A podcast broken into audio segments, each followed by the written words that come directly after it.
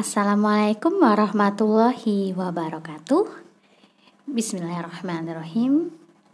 Selamat datang di MBBM Podcast di episode kali ini. Di episode kali ini kita akan membahas terkait prosedur apa yang akan digunakan dalam mengumpulkan data di penelitian kualitatif. Proses penting di dalam penelitian kualitatif adalah mengumpulkan data atau merekam data. Proses ini melibatkan berbagai perekaman informasi melalui protokol atau pedoman penelitian, sehingga administrasi pengumpulan data kamu dapat mengantisipasi masalah-masalah yang bisa muncul atau yang potensial di dalam pengumpulan data, dan juga memberikan kepekaan terhadap masalah etika yang dapat mempengaruhi kualitas data kita.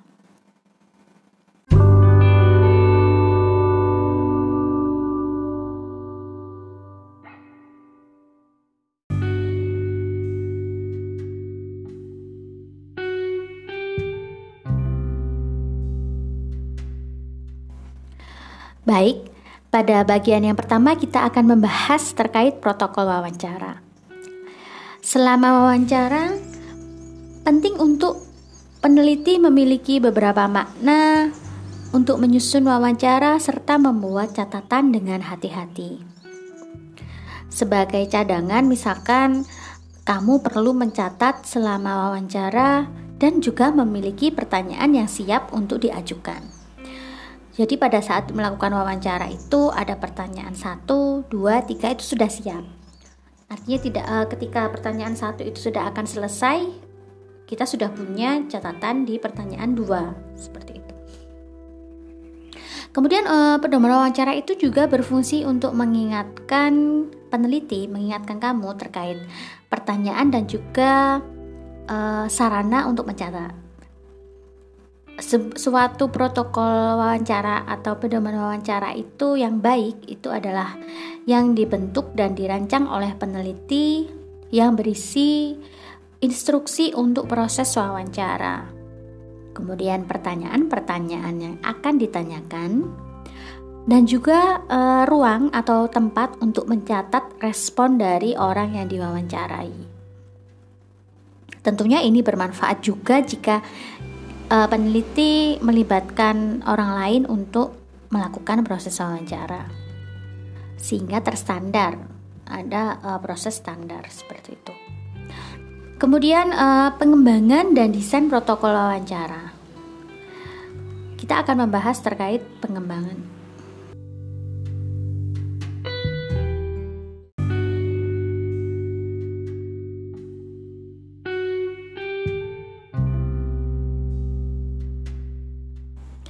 Baik, selanjutnya kita akan membahas terkait bagaimana pengembangan dan juga desain dari protokol wawancara. Untuk memahami desain dan juga tampilan formulir protokol wawancara, kita perlu memeriksa pada beberapa penelitian sebelumnya yang memang menggunakan protokol wawancara dalam penelitian kualitatifnya. Namun, ada beberapa petunjuk eh, bagaimana kita mengembangkan suatu protokol wawancara. Yang pertama adalah berisi tajuk untuk mencatat informasi penting tentang wawancara. Kemudian ada pernyataan tentang apa tujuan penelitian. Kemudian ada juga kadang uh, ada suatu pengingat, ada reminder bahwa seorang peserta itu harus menandatangani formulir persetujuan. Kemudian ada yang terakhir adalah ada saran untuk membuat uji coba dari perlengkapan atau peralatan rekaman. Nah, informasi-informasi lain yang mungkin kamu sertakan di dalam tajuk itu adalah uh, organisasi atau afiliasi kerja yang diwawancarai, latar belakang, dan posisi pendidikan mereka, berapa tahun mereka telah ada di posisi itu, tanggal, waktu, dan juga lokasi wawancara. Itu bisa menjadi tambahan di uh, protokol wawancara. Nah, di dalam protokol wawancara itu juga ada pertanyaan-pertanyaan inti, singkat, dan terbuka. yang memungkinkan peserta nanti mendapatkan uh, fleksibilitas maksimum untuk menanggapi pertanyaan itu. Jadi har uh, harus luas pertanyaannya, harus terbuka. Nah, biasanya pertanyaan pertama itu berperan sebagai ice breaking. Jadi yang membuat orang-orang itu rileks untuk diwawancarai dan juga memotivasi mereka untuk uh, mampu speak up supaya memang mereka uh, mau bicara. Pertanyaan yang pertama ini juga harus mudah difahami sehingga uh, peserta nanti akan merefleksikan pengalaman mereka dengan mudah. Misalkan pertanyaan yang biasanya kalau di dalam uh, penelitian kualitatif misalkan pada saat uh, contoh yang paling umum pada saat dia menyelesaikan masalah Mungkin pertanyaan pertama lebih cenderung, hmm, tolong uraikan bagaimana uh, kamu memahami masalah ini. Bagaimana cara kamu memahami masalah ini? Seperti itu. Itu bisa jadi satu pertanyaan pembuka. Kemudian uh, perlu diingat bahwa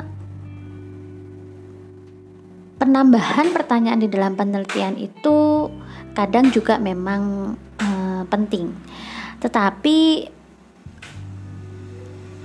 ketika kamu mengajukan lebih dari empat pertanyaan, tentunya itu akan memperoleh lebih banyak diskusikan ya dari orang yang kita wawancarai. Tapi uh, dan itu juga sorry dan itu juga benar-benar memberikan mengurangi uh, kecanggungan ketika tidak ada yang berbicara. Jadi dengan semakin banyak pertanyaan itu memang lebih enak. Tapi semakin banyak pertanyaan itu juga akan hmm, anda sendiri, kamu sendiri nanti akan memeriksa kira-kira yang akan kamu cari dalam penelitian itu apa sih gitu. Jadi kamu nanti yang akan bingung. Apakah mencari yang akan diteliti atau mau meneliti peserta itu nanti akan akan apa ya? tumpang tindih nanti. Seringkali nanti ada garis tipis antara pertanyaan yang terlalu rinci sama yang terlalu umum. Sehingga kita di sini perlu menguji cobakan pertanyaan-pertanyaan itu kepada peserta atau kepada rekan. Kemudian bisa membantu kita untuk memutuskan mana sih pertanyaan mana yang akan digunakan. Peran dosen pembimbing juga sangat penting jika kalian masih pada level skripsi untuk menentukan pertanyaan-pertanyaan yang uh, layak untuk dipakai di dalam pedoman wawancara. Oke, yang berikutnya, yang ketiga adalah kita perlu untuk melihat selain pertanyaan inti, kita juga bisa saja menggunakan mm, berbagai cara untuk mendorong peserta mengklarifikasi terkait apa yang mereka katakan. Kemudian juga bisa kita mendorong mereka untuk menguraikan ide-ide mereka. Itu bisa kita uh, gunakan proof question yang kemarin kita bahas di episode wawancara. Kemudian uh, yang keempat, kamu perlu memberi ruang antara pertanyaan satu ke pertanyaan yang lain. Sehingga di sini peneliti dapat membuat catatan singkat terkait komentar yang dibuat oleh uh, subjek atau orang yang diwawancarainya. Nah, catatan kamu itu harus singkat dan ketika kamu nanti mengembangkannya, formulir singkatan itu dapat kamu buat sebagai pernyataan-pernyataan yang uh, tidak melenceng jauh dari apa yang diungkapkan oleh subjek. Nah, gaya untuk mencatat catatan ini juga bervariasi dari satu peneliti ke peneliti lain. Kemudian yang kelima adalah uh, sangat membantu bagi kamu untuk menghafal kata-kata dan juga urutan pertanyaan. Untuk apa? Ya, untuk meminimalkan kehilangan kontak mata antara kamu sama orang yang kamu wawancarai. Ketika kamu memberikan transisi verbal yang sesuai dari satu pertanyaan ke pertanyaan berikutnya, itu akan mempermudah jadi kayak ada kait narasi antara pertanyaan satu sama pertanyaan dua itu akan mempermudah uh, kamu dalam mengambil data. Nanti uh, siswanya atau subjeknya nanti akan mudah untuk mengemukakan apa yang di yang akan mudah untuk merespon dari pertanyaan yang diajukan. Kemudian yang terakhir adalah komentar penutup untuk mengingatkan kamu untuk berterima kasih kepada para peserta dan juga meyakinkan peserta bahwa uh, tanggapan nanti akan dirahasiakan. Bagian ini juga dapat mencakup catatan untuk bertanya kepada orang yang diwawancarai jika mereka memiliki pertanyaan. Dan juga memberikan pengingat untuk membahas bagaimana nanti data akan digunakan dan juga bagaimana penyebaran informasi dari penelitian yang dilakukan.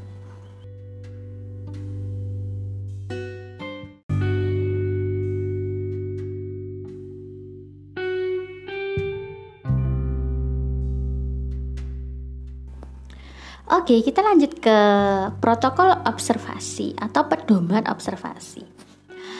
Ketika kamu menggunakan pedoman observasi untuk mencatat informasi selama pengamatan, itu sama halnya seperti wawancara. Pedoman ini berlaku untuk semua peran pengamatan yang sudah disebutkan sebelumnya, yaitu kalau masih ingat ada pengamat partisipan dan partisipan uh, pengamat non partisipan ada dua itu kemudian sebuah protokol observasional atau pedoman observasi itu dibentuk dan dirancang oleh peneliti sebelum pengumpulan data yang digunakan untuk mengambil catatan lapangan selama observasi. Nah, pada formulir ini biasanya para peneliti merekam kronologi peristiwa potret terperinci individu per individu, gambar atau peta pengaturan, atau kutipan kata demi kata dari individu. Seperti halnya protokol wawancara, desain dan pengembangan protokol observasi akan memastikan bahwa kamu memiliki sarana yang terorganisir untuk merekam dan menyimpan catatan lapangan observasi.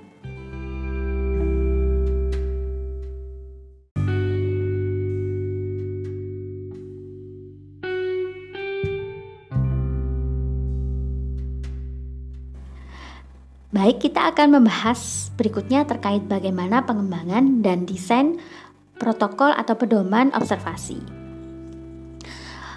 Pedoman observasi sudah banyak bisa kita lihat pada penelitian-penelitian sebelumnya. Namun, pada dasarnya, pedoman pengamatan memungkinkan peneliti untuk merekam informasi yang mereka lihat di lokasi pengamatan. Informasi ini nanti adalah berupa deskripsi kegiatan dalam pengaturan atau dalam setting penelitian dan refleksi tentang tema dan wawasan setiap subjek, setiap partisipan, setiap pribadi yang dicatat selama pengamatan. Nah, eh, ada beberapa komponen yang biasanya ditemukan di dalam eh, pedoman pengamatan. Yang pertama adalah Tentunya pedoman nanti berisi tajuk suatu uh, tajuk tempat kamu mengatur informasi terkait waktu, waktu observasi, tempat observasi, pengaturan observasi, dan juga peran dari pengamatan kamu. Kemudian, kamu juga perlu menulis dua kolom. Misalkan kolom yang pertama itu merekam dua jenis data. Yang pertama terkait deskripsi kegiatan, yang kedua bisa terkait uh, refleksi tentang tema, kutipan, dan juga pengalaman pribadi peneliti. Artinya di sini selain mencatat benar-benar apa yang terjadi melalui deskripsi kegiatan, uh, observer atau orang yang mengobservasi nanti juga perlu disediakan lokasi untuk merefleksi terkait tema atau kutipan atau pengalaman yang dialami oleh uh, observer atau peneliti itu. Kemudian yang kedua, uh, dalam kita membuat suatu pedoman wawancara, kita bisa menyertakan deskripsi urutan yang secara kronologis. Nah, deskripsi ini akan sangat berguna jika observer atau pengamat sedang memeriksa suatu proses atau peristiwa. Dan dengan dengan bentuknya seperti ini kamu juga dapat menggambarkan individu, pengaturan fisik, peristiwa atau juga aktivitas. Dalam hal ini kamu juga dapat membuat, membuat suatu sketsa gambar untuk mengingat uh, untuk memudahkan dalam mengingat bagaimana detail pengaturan yang dilakukan yang diamati untuk laporan tertulis pada bagian akhir. Nah, yang terakhir pedoman yang terakhir adalah uh, di dalam pedoman observasi harus memuat yang namanya akan lebih baik jika memuat yang namanya catatan reflektif yang mencatat pengalaman Anda sebagai seorang peneliti.